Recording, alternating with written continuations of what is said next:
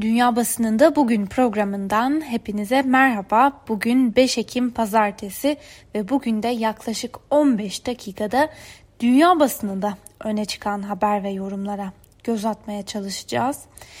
Bültenimize bir kez daha Amerikan basınının en çok konuşulanlarıyla başlayalım. Ülkenin bir numaralı gündemi geçtiğimiz hafta COVID-19 testinin pozitif çıktığını açıklayan ABD Başkanı Donald Trump'ın süren tedavisi ve doktorlarının çelişkili ifadeleri. Çünkü doktorları Trump'ın durumunun iyiye gittiğini ve en erken pazartesi günü taburcu edilebileceğini söylerken tedavisinde bir steroid türü olan dexamethasone kullanıldığı belirtildi ve Dünya Sağlık Örgütü ile ABD Sağlık Kurumu'nun hastaya bakım kılavuzuna göre ABD Başkanı Donald Trump'a uygulanan tedavi şekli ağır salgın hastalarına uygulanan ve diğer aşamalardaki salgına yakalanmış hastalara yararı da olmayan türden. Bunların yanı sıra e, ABD Başkanı Donald Trump dün Covid-19 tedavisi gördüğü Walter Reed Sağlık Merkezi'nden bir araba ile dışarı çıkarıldı ve kompleksin önünde bekleyen insanları selamladı ve başkan daha sonra tedavi gördüğü sağlık merkezine de geri döndü. Voice of America'nın aktardığına göre Trump'ın tedavi gördüğü Walter Reed'de doktorluk yapan George Washington Üniversitesi öğretim üyesi James Phillips araba yolculuğunu delilik olarak nitelendirdi. Reed bu gereksiz başkanlık turunda arabanın içinde olan herkesin şimdi 14 günlüğüne karantinaya girmesi gerekiyor. Hastalanabilirler, ölebilirler dedi ve doktor Twitter mesajlarının devamında Trump'ın emriyle bu siyasi tiyatro için hayatlarını riske attılar. İşte bu delilik diye yazdı. Öte yandan yine Amerikan basınına yansıyan haberlere göre Beyaz Saray Genel Sekreteri Mark Meadows'un gazetecilere önceden yaptığı son 24 saat zor geçti. Önümüzdeki 48 saat kritik önemde açıklaması soru işaretlerine neden olmuştu. Trump'ı tedavi eden ekipte yer alan Dr. Brian Garibaldi de geçici düşük oksijen seviyesi nedeniyle Trump'a steroid dexamethasone verildiğini ve şimdilik bu tedaviye devam edileceğini açıkladı ve New York Times gazetesi ise bugün son gelişmeleri şu başlıkla aktarıyor. Trump güç gösterisini sürdürürken doktorları endişe verici açıklamalar yapmaya devam ediyorlar. Trump hastaneden ayrılarak yaptığı riskli yolculuğuyla zayıf algısını gölgelemeye çalıştı. Ancak doktorların açıklamaları durumunun sanılandan çok daha ciddi olduğunu da ortaya koyuyor. Gazetenin aktardığı bir diğer habere göre de uzmanlar Trump'a uygulanan tedavinin ağır hastalara uygulandığını söylüyorlar. Öte yandan Trump'ın ismi gizli tutulan bir danışmanı ise Trump'ın yorgun, halsiz ve nefes almakta bile zorlandığını dile getirdi. Gazetenin yorum köşesinde ise şu ifadeler yer alıyor. Ülkenin başkanının tedavisi bir hastanede sürerken yeterli açıklamalar yapılmıyor. Amerikalıların Trump'ın durumunu bilmeye hakları ve ihtiyaçları var. Washington Post'un da gündeminde Trump'ın son durumu var. Ancak benzer şekilde şu yorumu yapmış Washington Post bugün. Beyaz Saray Trump'ın sağlık durumu hakkında çelişkili ifade vermeye ve sınırlı sayıda açıklama yapmaya devam ediyor. Gazetenin aktardığı bir habere göre de ulusal güvenlik uzmanları ABD'yi dikkati dağılmış ve potansiyel olarak savunmasız bir ülke olarak tanımlıyor. Yetkililer ABD'nin alışılmadık bir biçimde zor krizler kombinasyonu ile karşı karşıya olduğunu söylüyorlar. Gazeteden Fred Hayat ise şu yorumu yapmış bugün. Yalnızca Trump'ın ekibi bu yaşananları virüs hakkında daha riskli ve daha yanlış algı yaratmaya çevirebilirdi. Peki Trump'ın virüse yakalanması anketlere nasıl yansıdı? New York Times'ın son anketlere dayanarak hazırladığı habere göre Trump'ın pozitif testinden bu yana yapılan ilk anketler oy oranlarında yalnızca ufak değişiklikler olduğuna işaret ederken tartışma programından sonra yapılan anketler ise Biden'ın yeniden güçlü bir ivme kazandığını ortaya koyuyor. Ve benzer bir şekilde bugün Voice of America'da Trump'ın Covid testinin pozitif çıkmasının ardından belirlenen anket sonuçlarını ele almış. Reuters ve Ipsos'un anketine göre ankete katılanların %51'i Biden'a ve %41'i ise Trump'a oy vereceğini açıkladı. Katılımcıların %4'ü kararını henüz vermediğini belirtirken %4'ü de üçüncü bir diğer parti için oy kullanacaklarını söyledi. Anketten çıkan bir diğer dikkat çeken sonuçta Amerikalıların önemli bir bölümünün e, Trump virüsü daha ciddiye alsaydı salgını önleyebilirdi şeklinde görüş belirtmesi. Biden ulusal çerçevede Trump'ın önünde görünse de kararsız eyaletlerde Trump neredeyse Biden kadar popüler ve şunu da hatırlatmakta fayda var. Amerika'da başkan olmak için oy sayısından çok eyaletlerden kazanılan delegeler belirleyici bir rol oynuyor. Ve Amerikan basınından aktardığımız bu haber ve yorumların ardından bültenimize İngiliz basınıyla devam edelim. İngiltere'nin artan vaka sayıları dışındaki gündem maddelerinden biri de Trump'ın sağlık durumu. Örneğin The Times bugün ilk sayfadan verdiği bir haberde Trump'ın sağlık durumu hakkında yapılan açıklamaların kafa karıştırıcı olduğunu yazmış. Öbür taraftan gazetenin manşetinde ise koronavirüse karşı geliştirilen aşılar var ve buna göre ülkenin aşı görev gücü ekibinin başkanı aşının bulunmasına bel bağlanmaması gerektiği konusunda uyarıyor. Hatta uygun aşının bulunması durumunda bile bu aşının ancak İngiltere nüfusunun yarısından azına yapılabileceğini de ekliyor. İngiliz basınında yer alan haberlere göre bu hafta sonu İngiltere'de günlük tespit edilen koronavirüs vakaları ilk kez 10 bini aştı.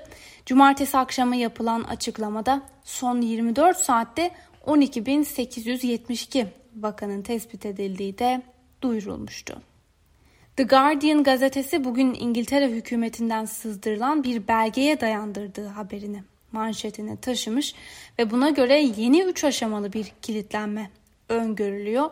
Bu çerçevede toplumun sosyal temaslarının yasaklanması, barların tamamen kapatılması gibi birçok önlem yer alıyor. Vaka sayıları kısa bir süre içerisinde kontrol altına alınamazsa yine çok kısa bir süre sonra bu yeni önlemler sürecini de konuşuyor olacağız.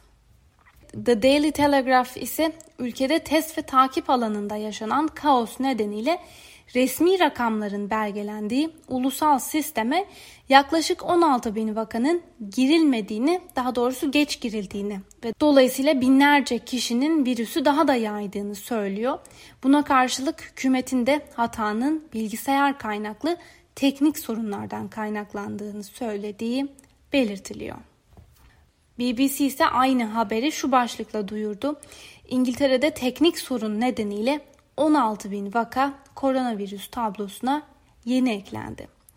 Bu arada BBC sağlık editörü Hook Pym'in bu konudaki analizde şu, gecikme ve talebe yanıt vermekte zorlanıldığı haberlerinden sonra gözlerin test sistemi üzerinde olduğu bir dönemde son açıklama hükümet için daha ters bir zamanda gelemezdi.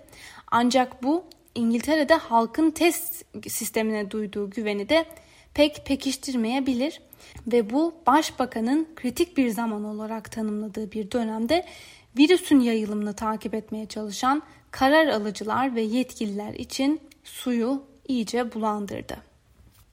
BBC aynı zamanda Dağlık Karabağ'daki son duruma ilişkin bugünün son gelişmelerini aktarmış. Azerbaycan Cumhurbaşkanı İlham Aliyev askeri harekatı sonlandırma koşulu olarak Ermenistan'ın Dağlık Karabağ'dan çekilmek için bir takvim belirlemesini istedi. Aliyev Ermenistan Başbakanı Nikol Paşinyan'ın Azerbaycan'ın toprak bütünlüğünü tanıdığını açıklamasını ve Azerbaycan halkından özür dilemesini talep etti. Öbür taraftan New York Times gazetesine bir röportaj veren Ermenistan Başbakanı Nikol Paşinyan ABD Başkanı Donald Trump ile Türkiye'nin Dağlık Karabağ'daki rolünü görüşme sözü aldığını ancak bu görüşmenin Trump'ın Covid-19'a yakalanmasıyla gerçekleşemediğini söylüyor ve Dağlık Karabağ'daki çatışmalarda Azerbaycan ve Ermenistan güçleri karşılıklı topçu ve roket saldırılarına da devam ediyor BBC'nin son gelişmeleri derlediği haberine göre. Euronews'un bu konudaki bir haberine göre de Dağlık Karabağ'da Ermenistan ve Azerbaycan arasındaki çatışmalarda bir hafta geride kaldı. Ağırlıklı olarak roket ve füzelerin kullanıldığı savaşta en az 230 kişi hayatını kaybetti. Euronews'un aktardığı bir diğer habere göre Büyük Okyanus'un güneydoğusunda yer alan Fransa'ya bağlı özerk Yeni Kaledonya'da yapılan referandumda seçmene Yeni Kaledonya'nın egemenliğini kazanarak tam bağımsız olmasını isteyip istemedikleri soruldu. Alınan ilk sonuçlara göre halk bağımsızlığa az farklı da olsa hayır dedi. Bu haberlerin ardından bültenimize Alman basınında yer alan birkaç haberle devam edelim. Almanya'da hafta sonu yani cumartesi günü iki Almanya'nın birleşmesinin 30. yıl dönümü kutlandı.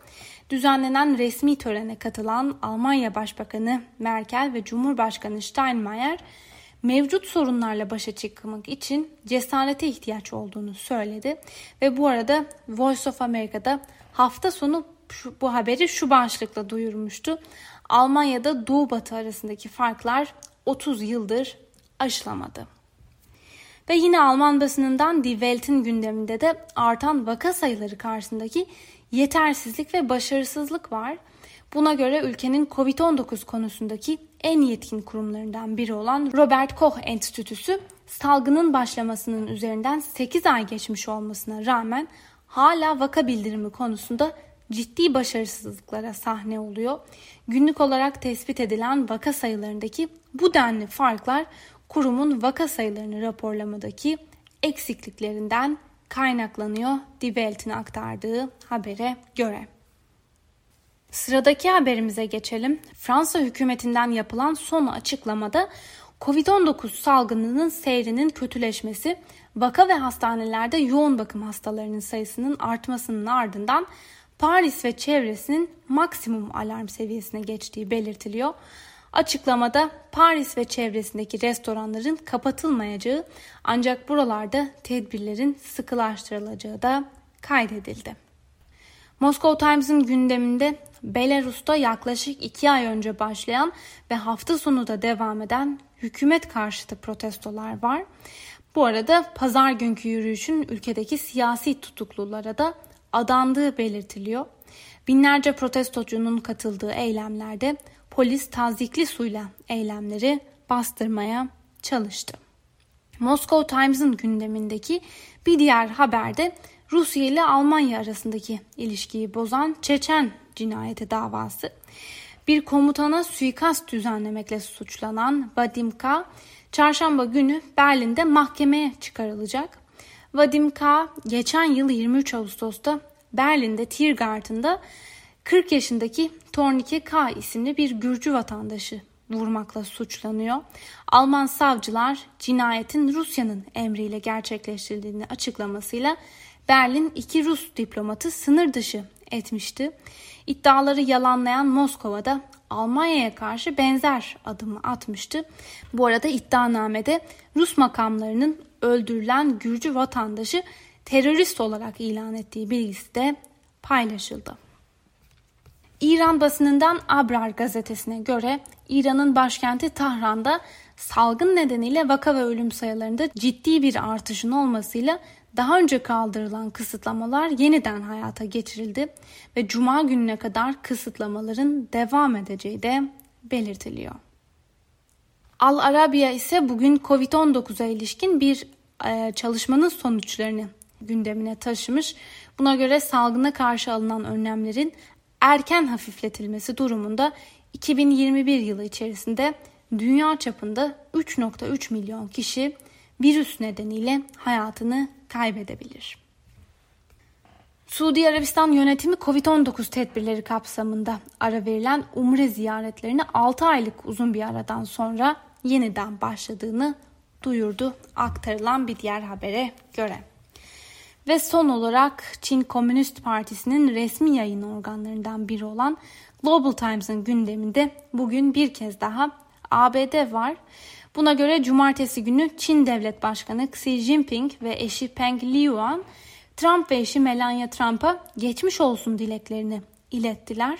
Global Times'ın belirttiğine göre sempatik mesajlar gönderdiler ve yine Global Times'ın yorumuna göre Xi'nin iyi niyetli mesajları aradaki rekabete rağmen büyük bir ülkenin nasıl davranması gerektiğini gösterdi. Analistler ise Çin'in verdiği mesajın ülkenin nezaketini de yansıttığını ve bunun aynı zamanda Çin ve ABD liderleri arasında olumlu etkileşimleri başlatmaya ve ikili çatışmalara tampon oluşturmaya hizmet edebileceğini umduklarını söylüyorlar. Sevgili Özgürüz Radyo dinleyicileri, Global Times'tan aktardığımız bu yorumla birlikte bugünkü programımızın da sonuna geldik. Yarın aynı saatte görüşmek dileğiyle. Hoşçakalın.